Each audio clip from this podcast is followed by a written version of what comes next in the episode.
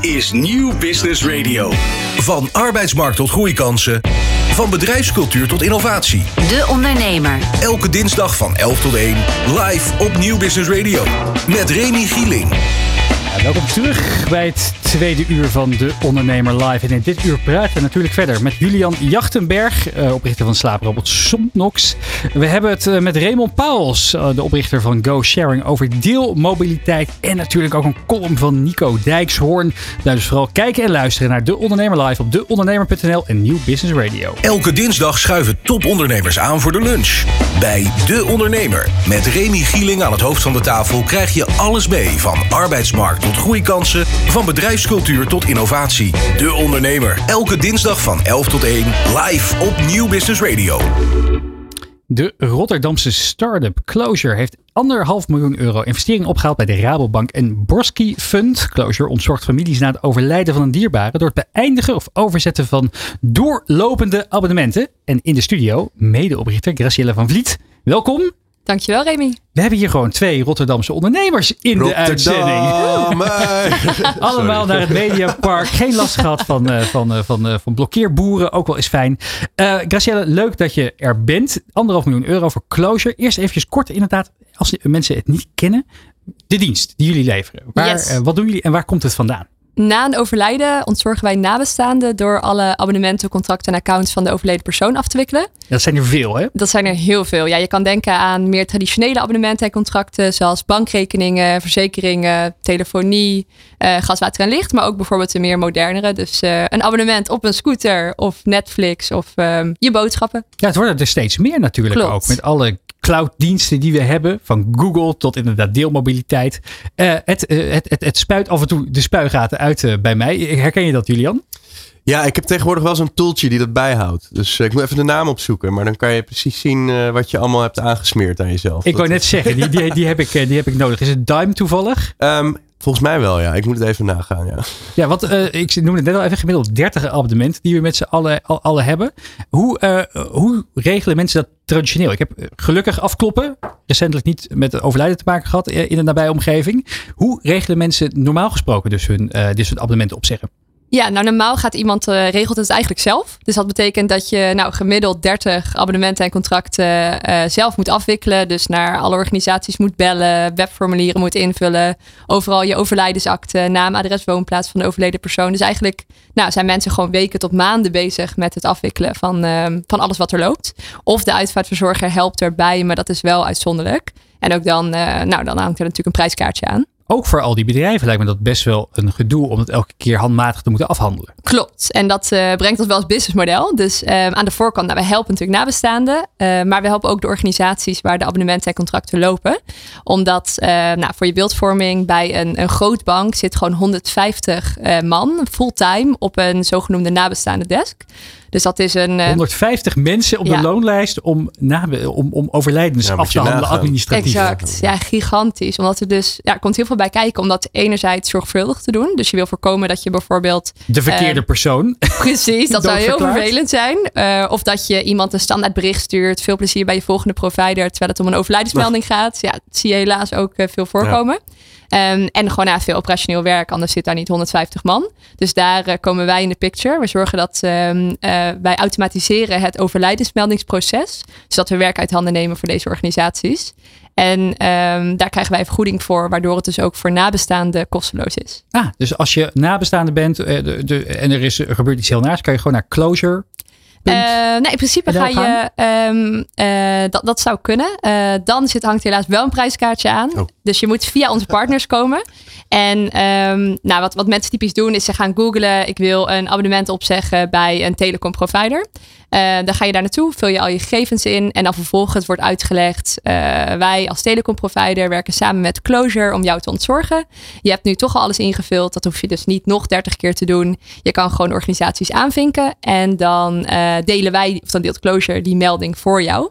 Dus via, de, nou eigenlijk via het normale proces. Iemand gaat gewoon googlen, gaat organisaties informeren. En ziet dan dat onze dienst er is. En dat dat kosteloos, dat we daar gebruik van kunnen maken. Klinkt natuurlijk ideaal. Zijn er ook organisaties die er nog geen gebruik van maken? En zo ja, wat is dan de reden dat ze zeggen van nou nu nog niet? Ehm, ja, er zijn uh, natuurlijk ook organisaties die er nog uh, geen gebruik van maken. maar een belangrijk detail.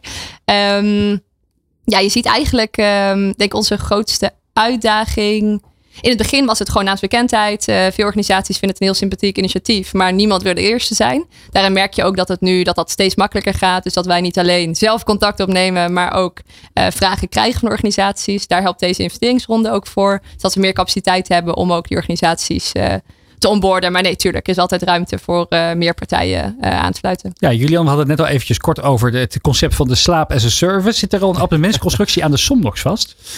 Nou ja, nog niet. Maar uh, als dat er wel komt, ja, dan uh, zullen we snel mooi, contact ja. opnemen. dat is vrij uh, luguber. Maar en, zeker, zeker. Hey, ik, ik vroeg mij ook af, in hoeverre ben je bang straks dat er ook competitie komt? Dat er een Closure 2 zit die dan ook gaat zeggen, hé, hey, wij gaan dat ook, ook doen? Ja, leuke vraag. Want ik denk dat uh, we hebben een heel uniek, uh, unieke positie dat er eigenlijk geen concurrentie is. Ook niet buiten Nederland. Ja. In Duitsland zit één partij die doet iets uh, wat, op, wat lijkt op wat wij doen. Werken samen met uitvaartverzorgers. Doen wij overigens ook, maar niet met corporates.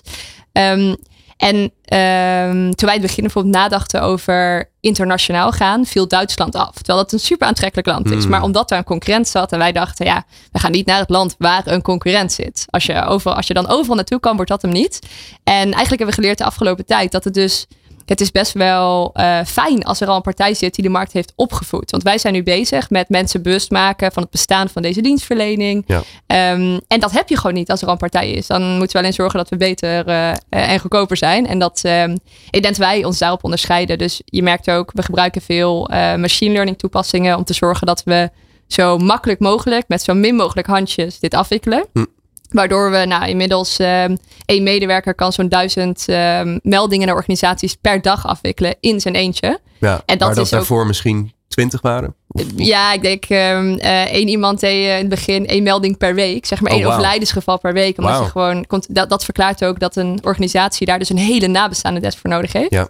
Dus ik, ja, enerzijds, um, ik denk dat we een aantal voordelen hebben ten opzichte van concurrentie. Zoals onze eigenlijk um, machine learning invalshoek, waardoor we het gewoon heel mm -hmm. efficiënt aanpakken. En dat is, als je kijkt naar de status quo, dan is dat. Um, uh, er zijn in het verleden dus wat initiatieven geweest die dit hebben geprobeerd. Maar ja, dan kwam er gewoon heel veel handwerk bij kijken. En dan wordt het dus een hele dure dienst. En ja. dat is. Uh, en ze zeggen ook wel eens: geen concurrentie. Concurrentie is ofwel een, een, een, een, gat in de markt. of je ja, of juist. Of er is, er, is, er is gewoon geen markt ja. voor. Nee, dus dat komt ook wel. Dat weten we gewoon. Daar moeten we nu hard gaan. Uh. Ja, Julian noemde het net al eventjes een beetje een morbide idee natuurlijk. Dat je dan straks soms gaat verkopen aan mensen die komen te overlijden. Um, hoe ben je er zelf opgekomen? Want ik, ik denk dat meer mensen dit, dit dit, dit, deze reactie hebben van oh, wat een, wat, een, wat, een, wat, een, wat een naar iets om over na te denken? Ja, verschilt. Ja, ik krijg ook wel vaak juist gewoon hele positieve reacties. Dat mensen dachten, oh wow, dat had ik echt moeten hebben toen dat voor mij relevant ja. was. Ja. Maar klopt, het is niet een sexy business. En ik had er ook vijf jaar terug niet gedacht dat ik in de uitvaartsector zou werken. Um, maar de, de reden dat we zijn gestart, ik ben ooit met um, inmiddels vijf jaar terug, ben ik uh, met Chantal gestart. En uh, zij kreeg een berichtje op Facebook, feliciteer je oma met haar verjaardag. Terwijl oma destijds al nou, een, een, aantal jaar daarvoor was overleden. En dat is gewoon niet heel pijnlijk. Ze, hebben, recent is er weer een artikel verschenen dat in 2069 uit mijn hoofd er meer overleden mensen op Facebook zitten dan levende. Echt bizar om voor wow. te stellen. En dat was toen de trigger van nou, Facebook is natuurlijk um, de afgelopen jaren heel groot geworden. Maar dat is één van de zaken die je moet regelen. Daarnaast hebben onze generatie heeft, um, wat is het, 60, 70 abonnementen al lopen. Dat is niet voor te stellen. Ja. En toen uh, dachten we, waarom is daar geen makkelijke oplossing voor? Nou, dan gaan wij dat maar doen. Facebook wordt een soort van digitale begraafplaats. Nou, ja. Misschien is dat een nieuw businessmodel voor, Mark Zucker, voor Mark Zuckerberg. uh, Closure, goede naam trouwens ook. Uh, jullie hebben anderhalf miljoen euro investering opgehaald. Onder meer dus bij de Rabobank, maar ook uh, bij het Borski Fund. Ook om de Europese uitrol te gaan faciliteren. Eerste vraag daarover. Hoe zijn jullie bij deze partijen terechtgekomen? En wat is inderdaad de ambitie die je gaat hebben om, om, dit, om deze groeifinanciering aan uit te geven? Um, ja, goede vraag. We hebben, nou, zijn um, uh, ook geadviseerd in dit proces. Dus er zijn wat partijen die ons hebben geholpen met de juiste investeerder hierin vinden. We hebben zelf een outreach gedaan. We hebben al uh, angel investors die ook uh, lijntjes hebben uitgegooid.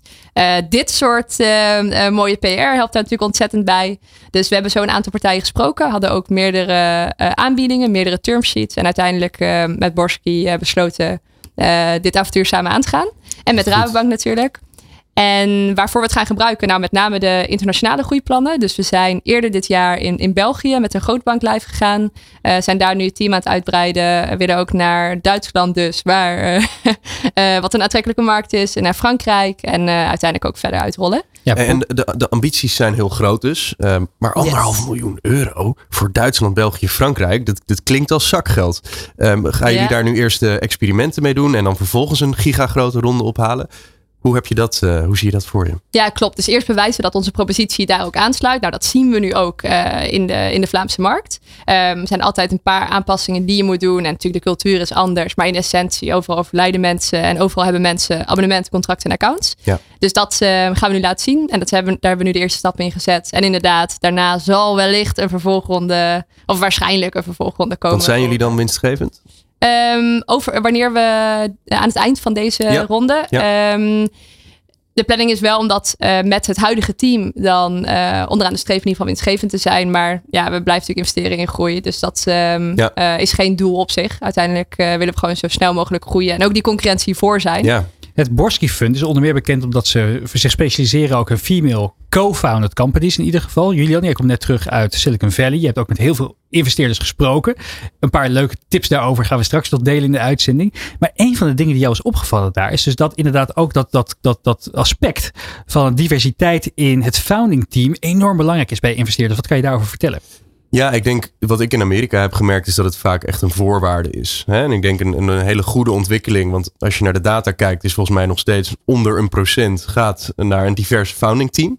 De meerderheid is nog steeds uh, nou ja, uh, wit en mannelijk. En ik heb gemerkt, want ik ben nu ook geld aan het ophalen ter context, dat in Amerika ik soms ook word afgewezen vanwege hoe ik eruit zie en wie ik ben. Dus ook oh, andersom is er een, uh, een, een, ervaring daarin te delen. Um, en ik denk dat ja, in Amerika is dat misschien nog meer een ding dan dat dat hier is. Merkte oh, ik in de gesprekken die ik heb uh, ja. gehad. Um, dus ja, voor mij is er werk aan de winkel. Ja, hoe voelt dat als ondernemer? Want ik kan me aan de ene kant heel goed voorstellen dat inderdaad fund zegt van nou, we vinden het belangrijk dat we een divers portfolio daarin hebben. Tegelijkertijd lijkt me het als persoon ook al vervelend om te horen van nou, we vinden het een fantastisch product wat je aan het ontwikkelen bent. Mooie tractie. We geloven er op zich wel in, maar ja, not you. Nee, ja, dat, dat, is, dat is pijnlijk. Um, maar ik moet ook zeggen dat de meerderheid, hè, die kijkt natuurlijk wel naar een breder plaatje naar dan alleen het founding team. Dus dat moet ik ook daarbij zeggen. Um, maar er zijn inderdaad gewoon vandaag de dag specifieke fondsen. En ik denk wel dat het heel belangrijk is. Um, die dat ook echt dan excluderen. Dus dan kan jij niet met hen samenwerken. Nou, zo so be it. Maar dat biedt wel uh, ja, de mogelijkheid om andere fantastische partijen die, uh, dat podium te bieden. Dus ja, het is, het is een transitie waar we denk ik met z'n allen doorheen moeten. Want het is heel erg nodig. Want nogmaals, de data laat zien dat er voornamelijk witte mannen uh, in de ondernemerswereld zitten. Terwijl alle data zegt ook dat diverse teams veel betere resultaten bieden. Uh, noem maar op. Dus ja, ik had er dan even de nadelen van in mijn trip naar de US. maar dat wil niet zeggen dat ik daar niet, uh, niet achter sta. En er zijn nog genoeg partijen die in, in die daar ook nog om overheen kunnen kijken. Ja, Graciela, een van de middelen inderdaad waar de investering ook naartoe gaat, is jullie, eh, zijn jullie machine learning initiatieven. Ja. Uh, de processen automatiseren binnen je bedrijf, waardoor je met meer mensen uh, meer kunt bereiken. Ik ben zelf daar een ontzettende voorstander van, uh, van het inzetten van automatisering binnen bedrijven. Ik zeg altijd dat meer bedrijven een chief automation officer zouden moeten aannemen om de bestaande processen te automatiseren. Ja. Um, wat kunnen andere bedrijven die misschien niet een, een heel team van data scientists en machine learning engineers hebben zitten, uh, volgens jou uh, gebruiken van die, van, die, van, die, van, die, van, die, van die filosofie die jullie toepassen, van gebruik van technologie om die processen in je bedrijf te stroomlijnen? Ja, goede vraag. Um, ik denk wat um, uh, ons heel erg heeft geholpen, is dat bijvoorbeeld Closure een hele traditionele industrie is. En daarin dus met een, data, uh, met een databril op daarnaar kijken, dat helpt dus dat je onderscheidt ten opzichte van de proposities die er al zijn. En dat hoeft natuurlijk niet in de uitvaartbranche, dat kan ook in um, zeecontainer trading. Daar zie je ook hele mooie bedrijven in ontstaan bijvoorbeeld. Dus um, proberen, zoek nou die branches die wat meer traditioneel zijn, waarbij dus de mensen die daar typisch in werken wat minder wellicht met een databril kijken. Dat zou helpen. En het is natuurlijk geen. Um, het, is wel, uh, wel interessant, want Chantal en ik hebben allebei een econometrie-achtergrond. Onze CTO heeft uh, data science gestudeerd. We zijn echt een heel erg data-team. Maar de eerste twee, drie jaar van Closure deden wij weinig met data science. Omdat hmm. we gewoon um, fake it till you automate it. We hebben gewoon alles... Um... fake it till you automate it. Die, die kan in een tegeltje worden. Ja, okay. ja, we deden gewoon alles met de hand. Dat kon destijds ook nog. En inmiddels zie je van ja, we kunnen niet duizend verzoeken per dag aan. Dan, hebben we dus, dan worden wij een externe customer support partij. Ja. En dan ga je heel direct een probleem oplossen. Dus natuurlijk wisten we wat willen we doen en wat kan het op termijn. Hmm. Maar pas het wel toe wanneer het relevant is. En het is natuurlijk ook, uh, sommige dingen zijn ook gehyped. Zorg dat je echt een toepassing ervoor vindt. Ja, dankjewel voor je komst naar de studio vandaag. En heel veel succes met de internationale uitrol van Closure. Een ontzettend mooi platform wat, uh, waar heel veel mensen veel profijt van gaan hebben. Graciela van Vliet. Dankjewel, super bedankt. Dit is De Ondernemer op Nieuw Business Radio. Ja, we praten verder hier in de studio van Nieuw Business Radio op het Mediapark in Hilversum met slaapgoeroe en oprichter van...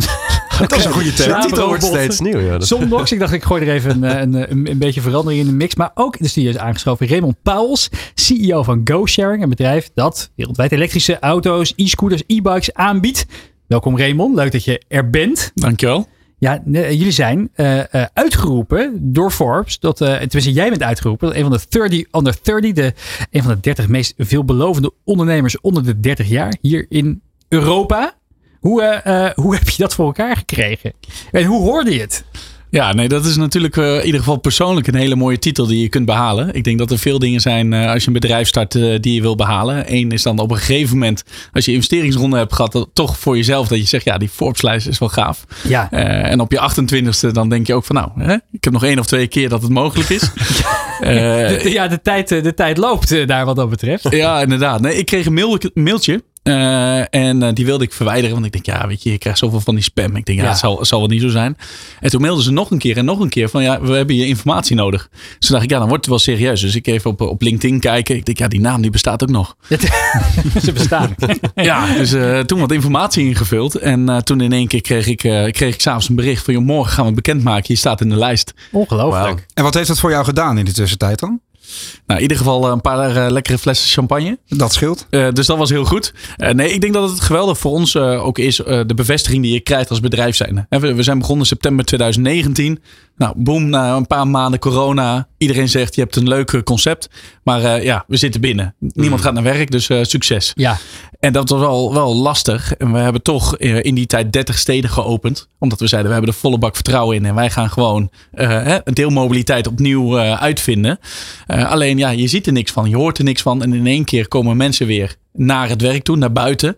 Ja, en dan zie je wat je creëert. En als dan het grootste, nou, een van de grootste magazines ter wereld, uh, dat uh, zegt van ja, wij erkennen dat en wij zien jullie als voorbeeld uh, voor het opnieuw ehm, ja, maken van hele traditionele business, dan denk ik dat dat wel echt een, een geweldige erkenning is. En ja, daar ben ik zeker wel trots op. Wij staan straks samen op de, de stoep voor de studio, hè, voor de ondernemer onderweg. We gaan het hebben over mobiliteit en wat jullie precies aan, aan producten doen en wat de gedachte achter het bedrijf is is onder andere.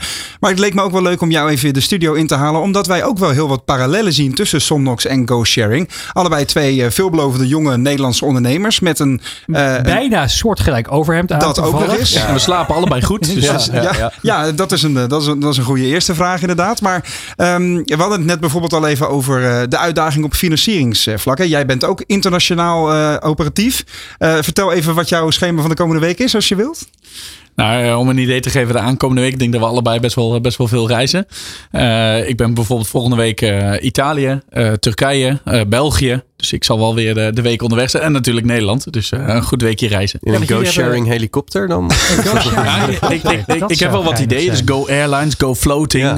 ja, er zijn wel ideeën. Ja, maar over die, die financiering bijvoorbeeld. Ehm, waar loop jij tegenaan in de praktijk? Nou, we hebben natuurlijk enorm veel financiering al gehad. Hè. 60 miljoen is al geïnvesteerd in GoSharing. Mm -hmm. dat was natuurlijk wel een stuk makkelijker beschikbaar. Ik denk dat we allemaal wel zien dat die investeringsmarkt uh, verandert. Waarbij we eerst alleen maar keken naar groei. Hoe hard ga je? Hoe snel ga je? Overal maar vergunningen winnen. Waarbij we nu uh, zien, ja, wat is de bruto marge op je voertuig? En, en mm. wat is onderaan de streep de cijfers die je behaalt? Dus we zien zeker dat er nog extreem veel mogelijk is. Mm -hmm. Maar ja, de, de, de, de cijfers waar ze naar kijken, die zijn echt wel veranderd. En ik denk dat dat het ook wel een uitdaging gaat zijn voor, voor veel eh, startende bedrijven, ook in de mobiliteitswereld, om, uh, om die aanpassing snel genoeg te kunnen maken. Maar jullie zijn natuurlijk ook allebei enorm aan het opschalen. Loop je dan ook tegen vergelijkbare problemen aan? Nou, het is wel dat wij hebben gekeken, ook, ook twee, drie maanden terug, hè, wanneer de eerste uh, signalen kwamen dat, dat de markt verandert. Van uh, hoe hard gaan wij doorschalen en hoeveel gaan we inzetten op bestaande markten waarvan we al weten dat die business er is. En daar hebben we wel een, een stap teruggenomen en gezegd, ja, we hebben nog zoveel te winnen in de bestaande markten waar we gewoon weten dat we klanten hebben, dat er gereden wordt. Um, en hebben we veel beter gekeken naar de anderhalf miljoen mensen die nu al ons systeem gebruiken. Van waar mm -hmm. zitten die? En hoe kunnen we die nog beter gaan, gaan, gaan helpen? Dus hoe kunnen we nog meer voertuigen ertoe voegen, meer modaliteiten? En zijn we nu ook weer bezig om te kijken hoe kunnen we dat nog verder uitbreiden? Jullie zijn onder meer te vinden hier in Hilversum. Ik zie jullie elke keer als ik naar de studio rijd van Utrecht, zie ik een paar van die go-sharing scooters staan. Dus ik moet altijd eventjes aan je denken. Um, in hoeveel steden zitten jullie nu inmiddels in Nederland en daarbuiten? En hoeveel voertuigen hebben jullie gebrand met die enorme herkenbare felgroene kleur? Ja, uh, we hebben op dit moment 15.000 elektrische voertuigen. Dus we zijn 's werelds grootste aanbieder met elektrische deelscooter. Uh, we hebben 5000 elektrische fietsen. Uh, en 30 elektrische auto's waarmee we net zijn gestart. Uh, dat hebben we nu in uh, Nederland, België, Duitsland, Oostenrijk, Italië en Turkije. dus daar zijn we op dit moment actief met de voertuigen. En wow. uh, als je dan afzet tegen een ander, hè, Julian komt uit Rotterdam in dit geval, die, die, de, de andere Rotterdamse bedrijf is Felix Scooters. Hoe onderscheiden jullie je daarvan? Nou, ik denk vooral het belangrijkste dat wij erin geloven dat niet alleen in het centrum een mobiliteitsbehoefte is, maar wij geloven er heel sterk in dat we in een hele regio de verandering kunnen brengen. En daarbij is niet alleen een scooter het beste vervoersmiddel, maar wij geloven er heel sterk in een elektrische fiets of normale fiets voor de korte afstand in het centrum, mm -hmm. zonder mobiliteit, goedkoop op één. De elektrische deelscooter juist in de regio eromheen. Ja, je ziet hier bij het Mediapark in Hilversum ja. staan ze dus, staan ze dus verspreid. Ja, en we zagen altijd dat, dat heel veel jong professionals kwamen naar ons toe en die zeggen ja, ik gebruik het dagelijks maar ik hou mijn auto, want ik moet toch een keer naar een andere stad. En toen zeiden we, ja, dan willen we ook deelauto's aanbieden, maar anders als de andere partijen. Dus we zijn samenwerking aangegaan met Q-Park. We bouwen nu alle Q-Park locaties om tot mobiliteitshubs, om ervoor te zorgen dat je straks van de ene stad naar de andere stad altijd met de deelauto kunt.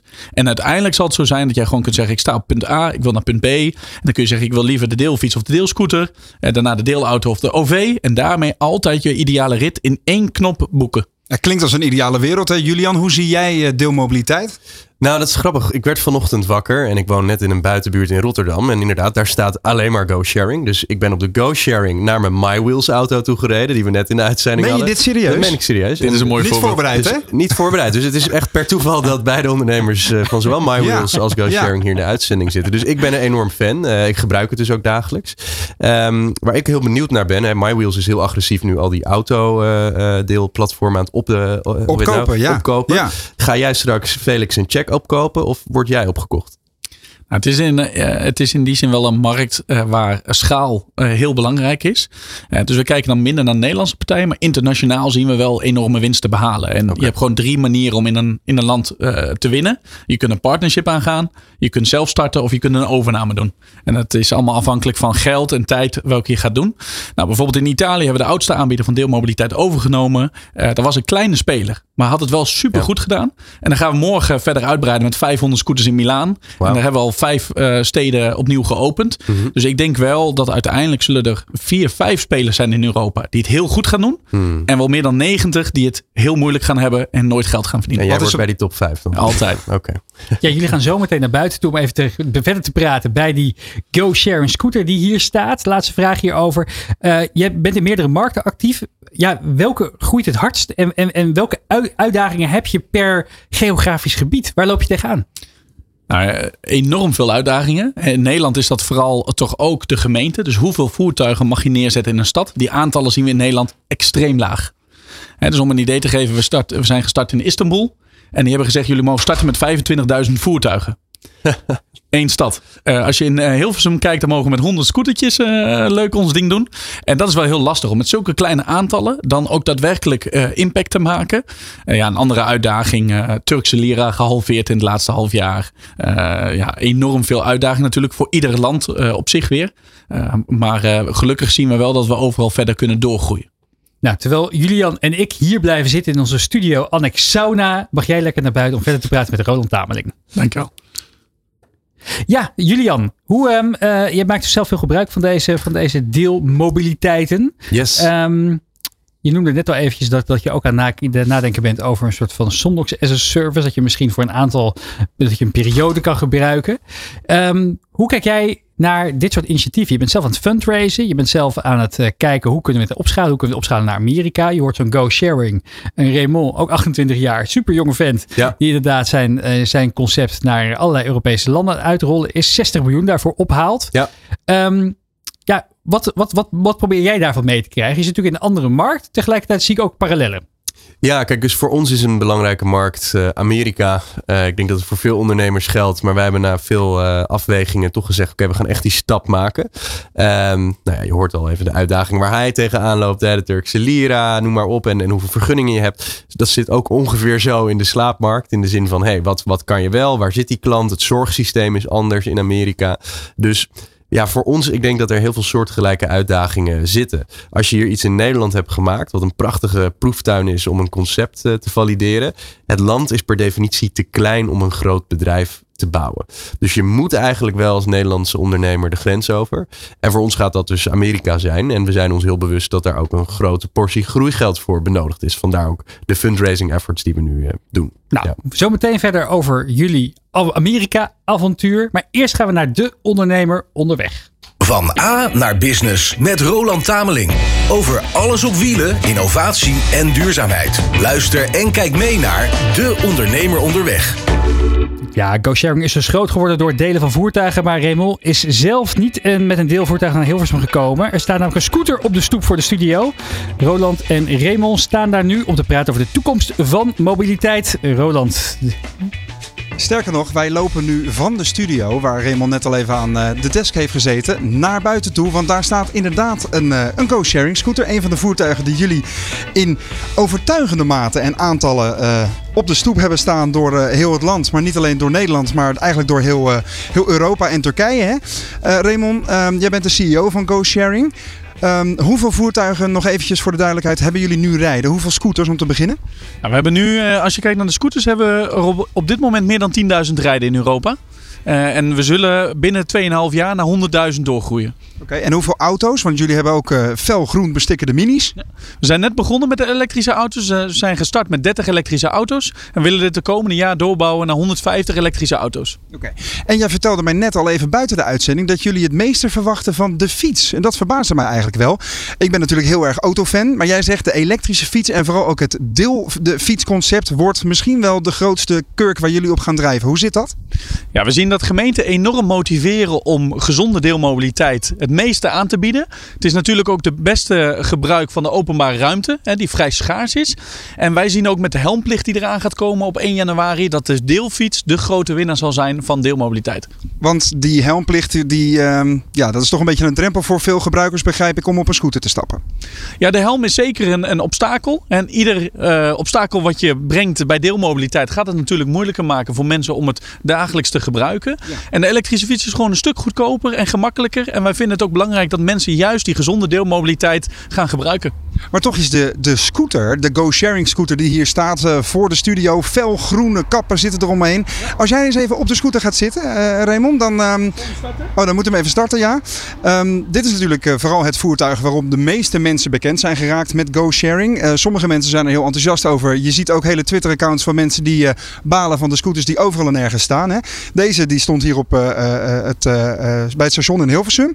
Um, wat merk je nou aan, uh, zeg maar ten opzichte van de vorige keer dat wij elkaar spraken, een jaar geleden, wat er is veranderd op het gebied van uh, zeg maar, hoe jullie gebruikers de voertuigen gebruiken? Nou, enerzijds gaat de techniek natuurlijk extreem snel vooruit. Dus we kunnen met data veel beter zien van wat zijn nou de hotspots en waar moeten we ervoor zorgen dat we betere infrastructuur samen met de gemeente aanleggen. En anderzijds kijken we ook heel erg naar onze gebruikers zelf. Dus we kunnen steeds beter de mensen motiveren om beter te parkeren en ook de mensen op te wijzen van waar mag ik hem dan neerzetten. En lukt dat? Jazeker, dat gaat supergoed. Dus we zien sterke verbeteringen in de steden waar we actief zijn. Mm -hmm. En we zien ook nu bij het lanceren van nieuwe steden dat we steeds beter van tevoren al kunnen aangeven wat de hotspots zullen zijn. En daarmee ook met de gemeente kijken van waar kunnen we eventueel parkeerplaatsen opofferen of andere locaties inrichten voor deelmobiliteit. Okay. Uh, morgen gaan jullie van start in Milaan hè, in Italië. Hoe anders is dat bijvoorbeeld dan de start in Rotterdam? Nou, Milaan is inderdaad wel een hele bijzondere. Is natuurlijk toch echt scooter, uh, scooterland van Europa. Ja. Milaan zijn ze enorm gewend al aan deelmobiliteit, ook de deelscooters. Dus dat zal daar super gemakkelijk gaan. En 500 deelscooters op een paar miljoen mensen in Milaan is geen probleem. Dat zal niemand merken. Maar je begint daar dus heel voorzichtig. Wat zijn uiteindelijk de internationale doelen? Nou, internationaal willen we gewoon een groot verschil maken. Niet alleen in de grote steden, maar juist ook in de regio's daaromheen. Dus wat ik net al zei, in de komende twee jaar gaan we doorgroeien naar 100.000 elektrische voertuigen. En daarmee zal de impact zijn dat de eerstvolgende keer dat jij naar het buitenland gaat, ja, toch even op je telefoon kijkt of daar een gootje is. Ja, een, een gootje, dat is al een beetje de koosnaam dus. De goosnaam.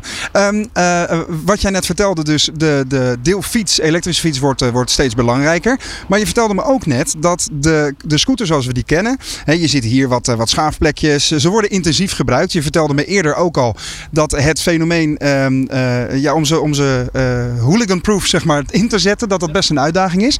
Wat wordt er anders bij de volgende generatie Go-sharing scooter?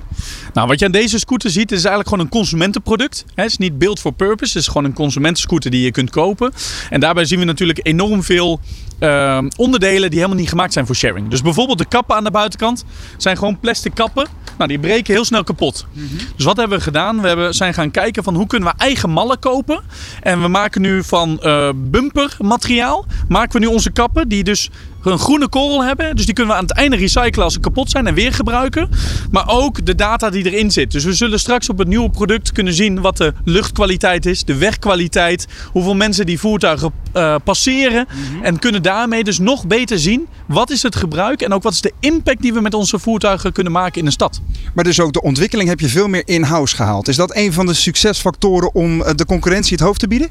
Ja, dat denk ik wel. Wat we nu zien met 15.000 voertuigen is als één onderdeel kapot gaat, dan gaat het op 15.000 voertuigen kapot. Dus alles gaat enorm op schaal. En daarom hebben we ook geïnvesteerd in 2000 vierkante meter research and development in Den Bosch. Waarbij we dan ook kunnen zorgen dat het product echt uh, perfect gebouwd is voor sharing. En daarmee ook het grootste verschil dat wij de aanbieder zijn met de hoogste betrouwbaarheid als jij een keer een gootje wil pakken.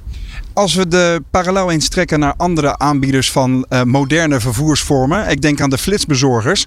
Die hebben het nu heel zwaar. Kapitaalkrachtig uh, tot de max. Hè. Er moet heel veel geld achteraan. En alsnog zie je dat aanbieders van dat soort vervoersoplossingen toch beginnen om te vallen. Omdat ze het niet redden. Hoe zorg je, punt 1, dat het bij jullie niet gaat gebeuren? Dat je, dat je gaat overleven? Nou, ik denk dat wat daar het grootste verschil is die we hebben gezien in de afgelopen half jaar, is dat uh, investeerders minder kijken naar groei en meer kijken naar wat is de, de, de vaste basis waar je de omzet op draait. En, en zoals we dat noemen, de, de, de gross margin op het product zelf. Ja. Dus wat wij, wat wij steeds meer kijken is niet meer zozeer naar de grote groei, maar we kijken steeds meer naar hoe kunnen we op de bestaande steden die we hebben winst maken. Hè? Dus echt een bijdrage doen aan het bedrijf. Mm -hmm. En dat zullen we dus ook doen en dat doen we op dit moment ook al. Dus we zullen ook aankomend jaar daarin uh, zwarte cijfers draaien. Je draait nu al winst, zeg je? Nou, dit jaar zijn we nog aan het investeren, omdat we nog heel veel steden aan het lanceren zijn. Maar voor ons is wel het doel om volgend jaar zwarte cijfers te draaien.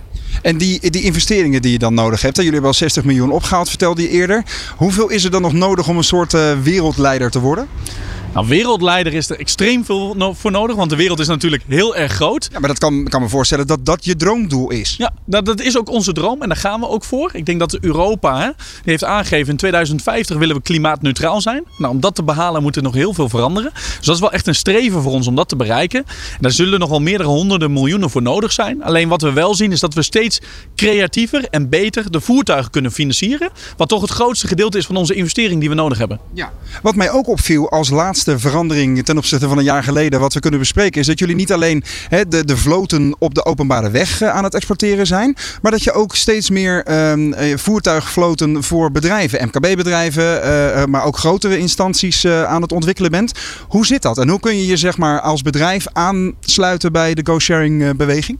Ja, hele goede. Ja, we zien sinds mensen weer naar kantoor gaan, maar dat bijvoorbeeld maar twee of drie dagen, dat er toch opnieuw gekeken wordt naar de vloot van de zaak. En waarom heb ik nog een auto waar ik bijtelling voor betaal, die honderden euro's per maand kost? Ja. En daarin zien we dat steeds meer bedrijven een eigen vloot willen van GoSharing. Of dat nou de fiets, de scooter of de auto is. Wat voor bedrijven hebben we het dan over?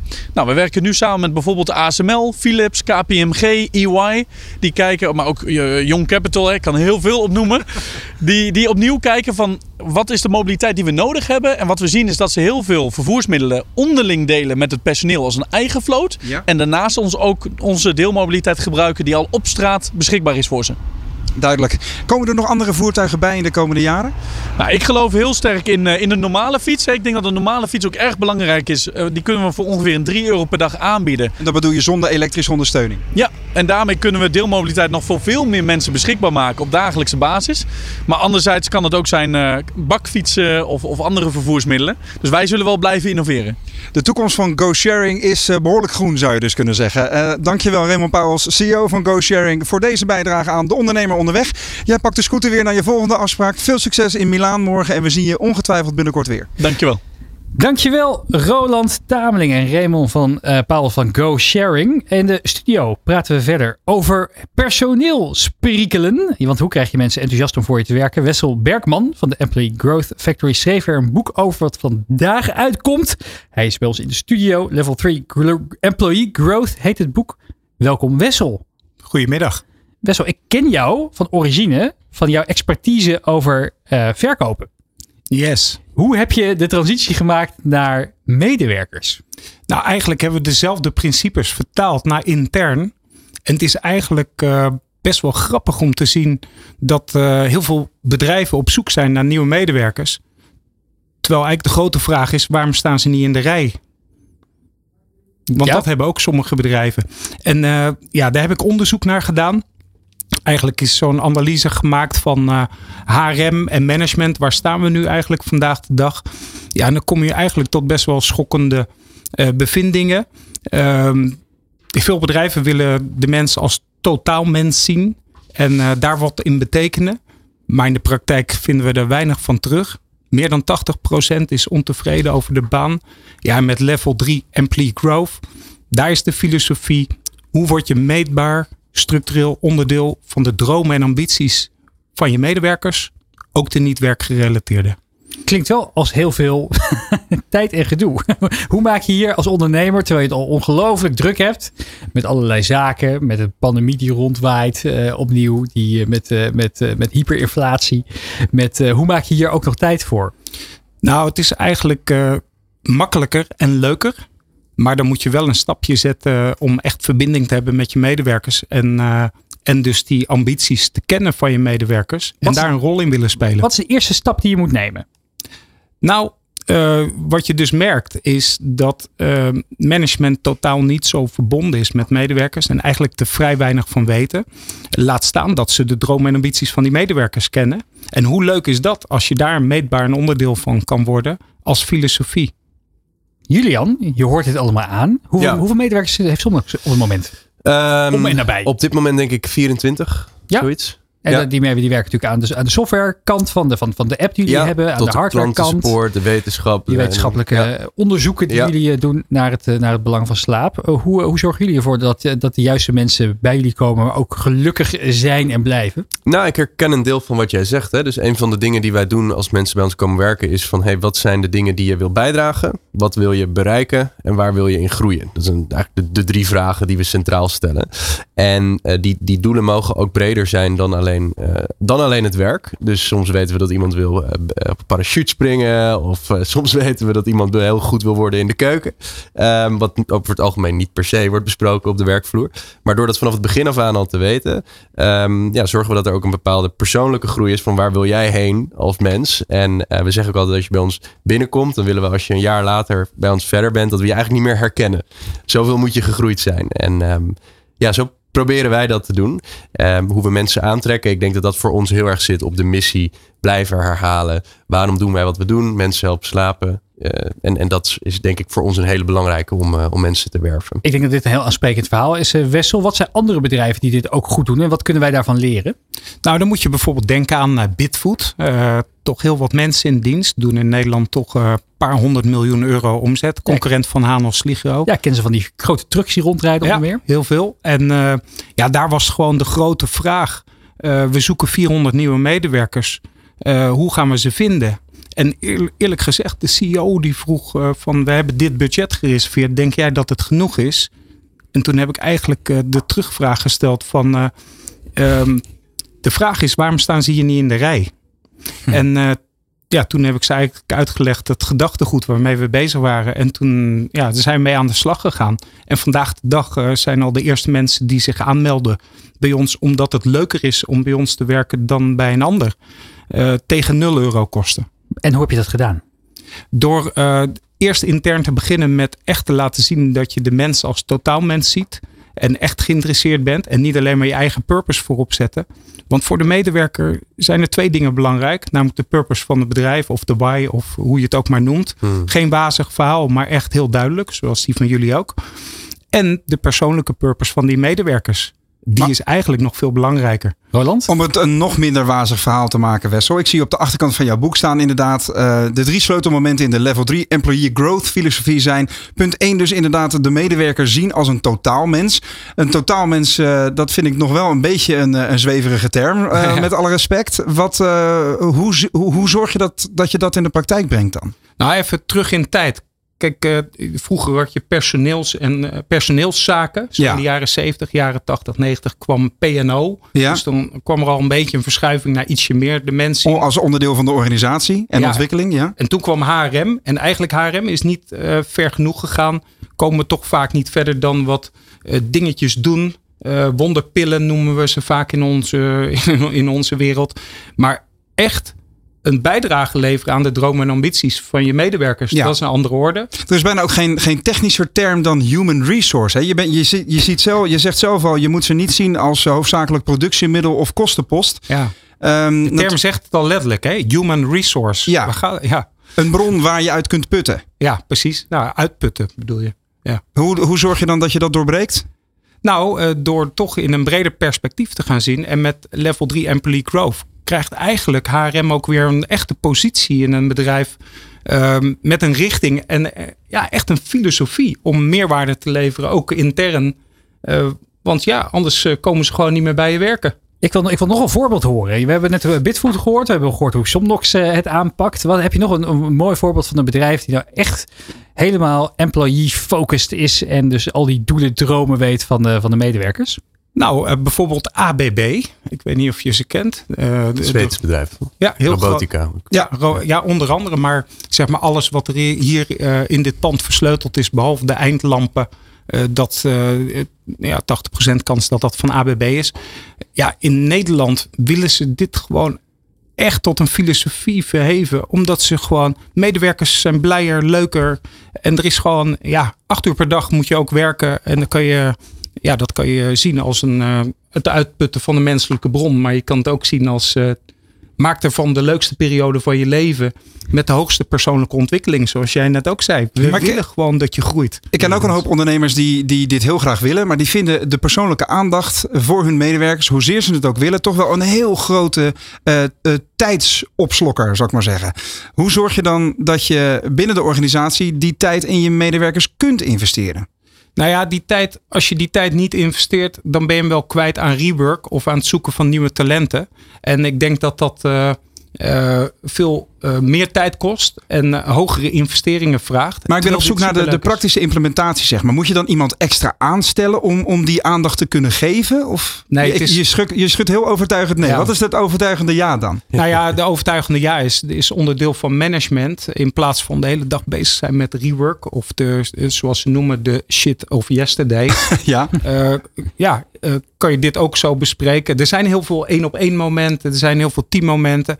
En dit kan je heel makkelijk integreren in je bestaande moment. Het is eigenlijk het makkelijkste veranderproject. Wat het allerleukste is met de kleinste investering.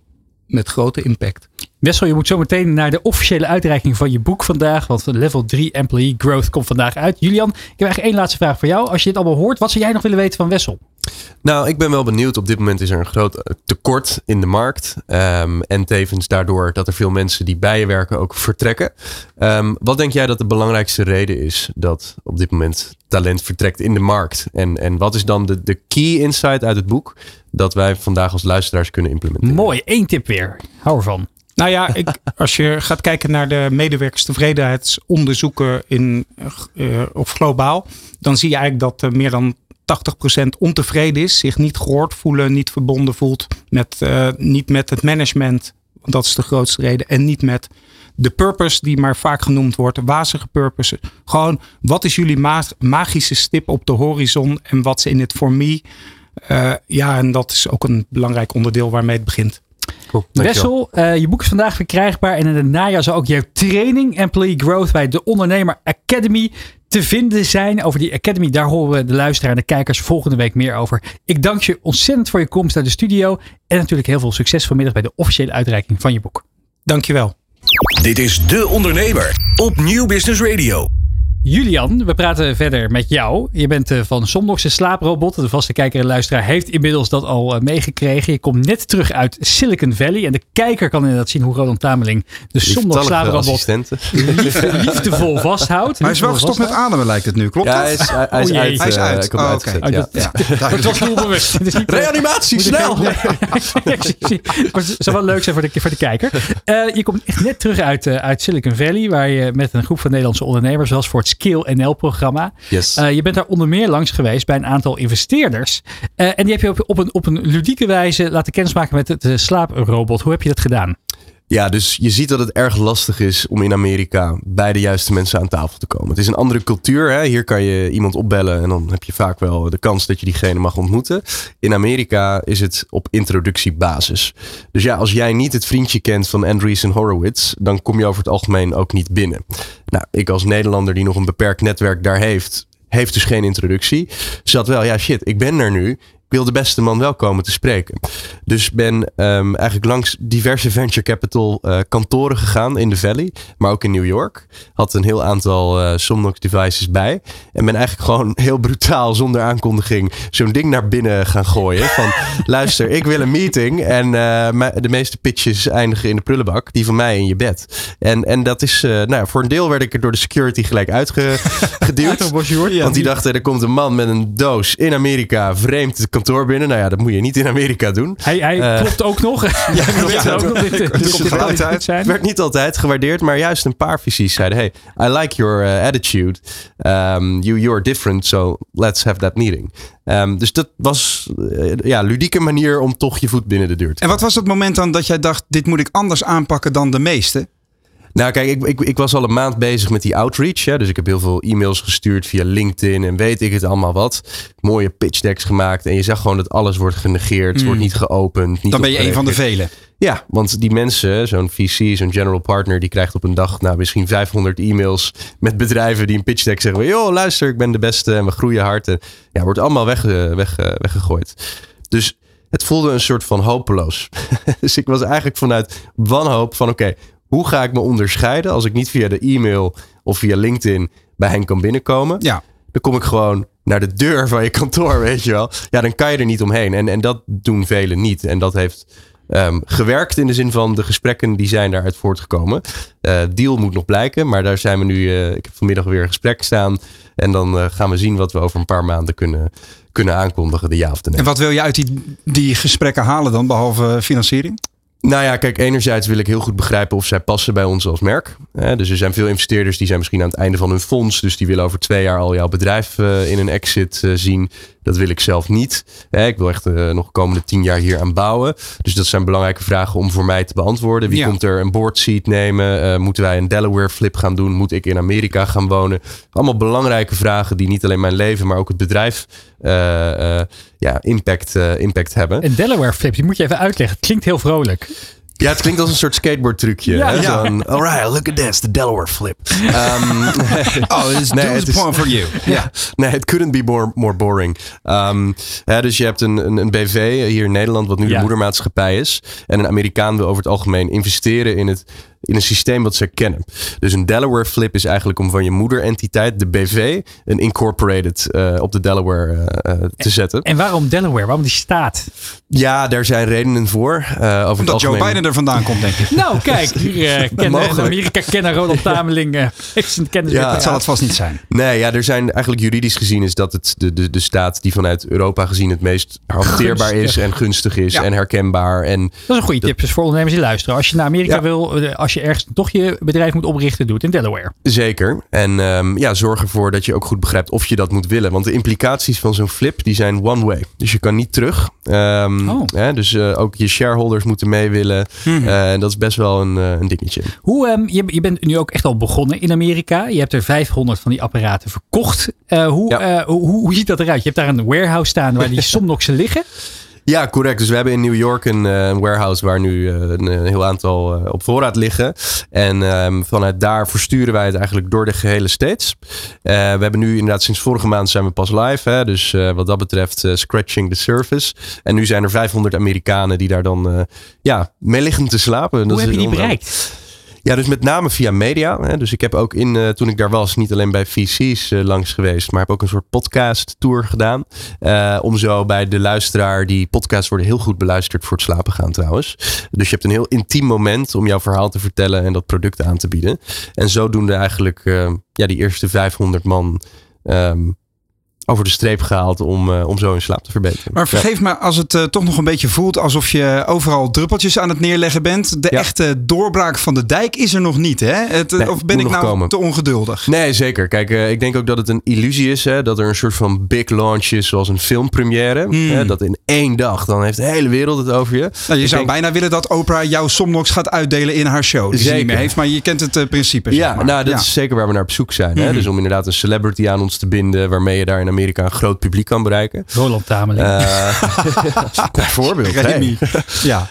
Um, maar ik denk dat je moet, de, de, die illusie hebben we ook echt losgelaten. Er bestaat niet zoiets als een big launch. Oké. Okay. Er is meer, ik geloof meer in slow growth. Dus... Maar dat was wel je initiële eh, hoop uiteindelijk. Nou, nee, nee. Ik denk dat we er ook echt wel zo in zijn gegaan. We willen die markt eerst goed begrijpen, goed testen. We hebben nu 500 mensen die wij ook echt dagelijks bellen. Om heel goed te zien, okay. hey, wat werkt er wel, wat werkt er niet? Waar zou jij heen gaan als slechte slaper? En op die manier iteratief een imperium te bouwen. Want je kan niet met, uh, uh, met, met een kleine oorlogskas, zeg maar. Je hebt echt mm -hmm. miljarden nodig, wil je een big launch doen. Dat hebben we niet. Dus je moet het heel slim doen, iteratief. En op die manier over een periode van vijf jaar ja, dan wil ik uh, tientallen miljoenen Amerikanen in bed met Somnox zien. Maar niet in één dag. Nou, misschien dat een, de gouden tip hiervoor wel uit onverwachte hoek komt. Want, zoals iedere week, geeft uh, ja, huiscolumnist Nico Dijkshoorn gevraagd, maar ook vooral ongevraagd advies okay. aan onze ondernemertjes. En deze keer heeft hij ook wat te vertellen over de Somnox. Alright. Ondernemertjes. Julian Jachtenberg en ik hebben een verleden. Jarenlang heb ik meegewerkt aan de ontwikkeling van het allereerste prototype van zijn slaaprobot. En dat was geen makkelijke tijd. Julian kwam steeds met iets wat leek op een kunstnier van een halve meter, waar je dan je been omheen moest slaan. Ikzelf ben altijd heel erg tegen de huidige vorm geweest. Waarom zouden mensen in bed willen liggen met een elektrische tuinboon en dan luisteren naar het geluid van een parende Siberische bever? Ik vond en ik vind dat Julian niet genoeg out of the box heeft gedacht. Ik geef het meteen toe. Iets elektronisch tegen je buik aanleggen als vervanging van een hond of een kat. Dat is geniaal bedacht. Dat herkende ik meteen. Iets tegen je aandrukken als het even niet meer gaat. Dat is universeel. Maar zoals gezegd, ik zou dan niet meteen hebben gedacht aan een elektrisch zachtzoemende tuinboon. Ik heb Julian toen voorgesteld om ook elektrische slaaprobots te maken voor een ander soort mens. Nu is het toch weer allemaal net iets te lief en te esoterisch. Ik krijg bij de huidige elektrische slaapneer van Julian toch weer heel erg het gevoel van een paar parende walvissen. Loop een winkel binnen met drijfkaarsjes, wierook en genezende kruiden en verdomd. Wat hoor je voor muziek door de winkel? Je schele oom Harry op zijn magisch orgel met daar keihard altijd het geloei van twee parende walvissen doorheen. Julian Jachtenberg, die had de kans om die hele softe geluidsterreur aan te pakken. Waarom nu eens gewoon niet een keer gekozen voor revolutionaire nieuwe geluiden die uit die slaaprobot komen? Ikzelf dacht bijvoorbeeld aan het begin van de hit van de meisjesrappers Salt en Peppa. Dus dan lig je lekker op je zij en dan hoor je tegen je buik, oeh, baby, baby. Oeh, baby, baby. Tegen je trillende naveltje aan. Ik zou zelf ook heel goed slapen van het geluid van een volle bak babi pankang die op mijn buik wordt leeggestort door een Chinees.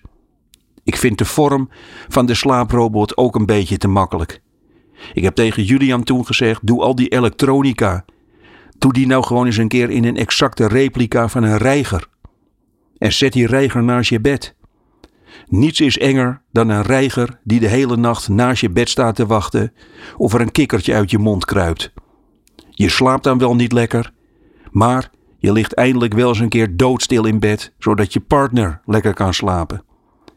Julian was helaas niet toe aan een stevig portie out of the box denken. Ja, oké, hoera, gefeliciteerd, er is een slaaprobot. Maar dan wel een voor mensen die van veilig houden. Ik wacht nog steeds op de robot voor alternatieve andersdenkende mensen. Op hun zij, met de Somnox 3 tegen hun buik, een exacte replica van het hoofd van hun lieve dochter, die tot hun grote verdriet het ouderlijk huis heeft verlaten om te gaan studeren. Huilend in slaap vallen, mooier bestaat niet. Huilen, dat brengt mij bij Graciela van Vliet, CEO en medeoprichter van Closure. Ik vind het in al zijn eenvoud een ontroerend idee. Wat ooit nog een soort van romantisch mooi was. Je vader ging op vakantie naar Indonesië.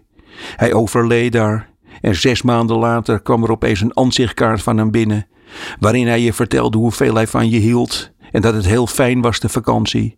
Dat is nu opeens een digitale hel geworden. De overledene, hij staat nog stralend op Facebook met een emmer vol friet en twee dagen na de foto valt hij dood voorover op straat.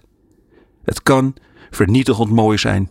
Opeens een filmpje op Facebook waarin je overleden vrouw heel trots een plant laat zien. Maar het kan ook een lode las worden, aanmaningen en dwangbevelen voor iemand die er niet meer is. Ik vind Closure oprecht een prachtinitiatief. Mocht ik daarom over twintig jaar onverhoopt overleden, jongens van de ondernemer, laat er maar opstaan deze columns. Mensen zullen zeggen: hoor, toen was hij nog bij zijn volle verstand. Je luistert naar De Ondernemer. Elke dinsdag live van 11 tot 1. Met Remy Gieling op Nieuw Business Radio. Ja, Roland Julian, het zit er alweer bijna op. Uh, wat ga je, ga je de, de adviezen van Nico Dijkshoorn nou, uitvoeren? Ik, Reiger naast je bed. Ik zat te denken en die man heeft zo'n saaie stem. Um, dat is perfect om je in slaap te krijgen. Dus misschien moeten we ooit een soort slaapverhaal gaan maken die we dan afspelen op de Somnox. En dan branden we dat met Nico. Met Nico. Voor alle anders, anders denken. Anders denken dan. Gaat hij gewoon schaapjes stellen? Ja. Eindeloos. Ja, precies. Ja, precies. ga je hem de volledige trilogie van de Lord of the Rings laten inspreken. Ja, daarom. Ik denk dat mensen... kan je daar ook heel goed bij in slaap vallen. In, maar ik ben toch even benieuwd. Ja. Is er iets van waar dat hij zich bij het ontwikkelingsproces uh, heeft uh, gemeld? Ja, er gaat een korte anekdote rond dat hij ons ooit op Twitter had uh, gestuurd. Ja? Dat hij graag een Somnox wilde met het geluid van het pellen van garnalen bij de Chinees. Toen hebben wij een foto gemaakt dat wij inderdaad bij de Chinees met een microfoon bij de pellende garnalen stonden. En we zeiden, Nico, hij komt eraan. En dat is het geschiedenis. Duidelijk. Nou ja, we hebben twee uur lang mogen praten over de slaaprobot, maar ook over Closure. We hebben het over deelmobiliteit gehad met Go Sharing, maar ook met MyWheels. Er is van alles voorbij gekomen. Uh, als je nog één laatste, laatste mooie woorden wilt geven aan, uh, aan ondernemers, die misschien ook de overstap willen maken naar Amerika, die groot willen dromen. Um, dan zou ik zeggen, um, acteer lokaal, maar denk globaal. Kijk, met die alliteratie. is het tong, tijd. Hier kunnen we nog twee uur over doorgaan. Voor het, uh, voor het afsluiten. Dankjewel voor het kijken en luisteren naar De Ondernemer Live. Laat het weten wat je ervan vond via sociale media. En deze uitzending wordt natuurlijk mede mogelijk gemaakt door Nederman Wijnen. En de uitzending, maar ook alle fragmenten zijn terug te vinden via de website en de sociale kanalen. Volgende week dinsdag zijn we terug met een hele bijzondere uitzending. Ik wilde net zeggen, die moeten we nog even aankondigen. Want we zijn dan meer dan twee uur op de radio live tijdens onze, ja, de laatste uitzending van dit seizoen in ieder geval. Voor de zomerstop. Een soort zomerafsluiting met live muziek. Eten, drinken, feest en heel veel interessante gasten. Nou, wees daarbij. Digitaal of live. Kom naar, kom naar de radiofabriek ja. in Hilversum. Ik hopen je dan te zien. Heel graag tot de volgende aflevering. Elke dinsdag schuiven topondernemers aan voor de lunch. Bij De Ondernemer. Met Remy Gieling aan het hoofd van de tafel krijg je alles mee. Van arbeidsmarkt tot groeikansen. Van bedrijfscultuur tot innovatie. De Ondernemer. Elke dinsdag van 11 tot 1. Live op Nieuw Business Radio.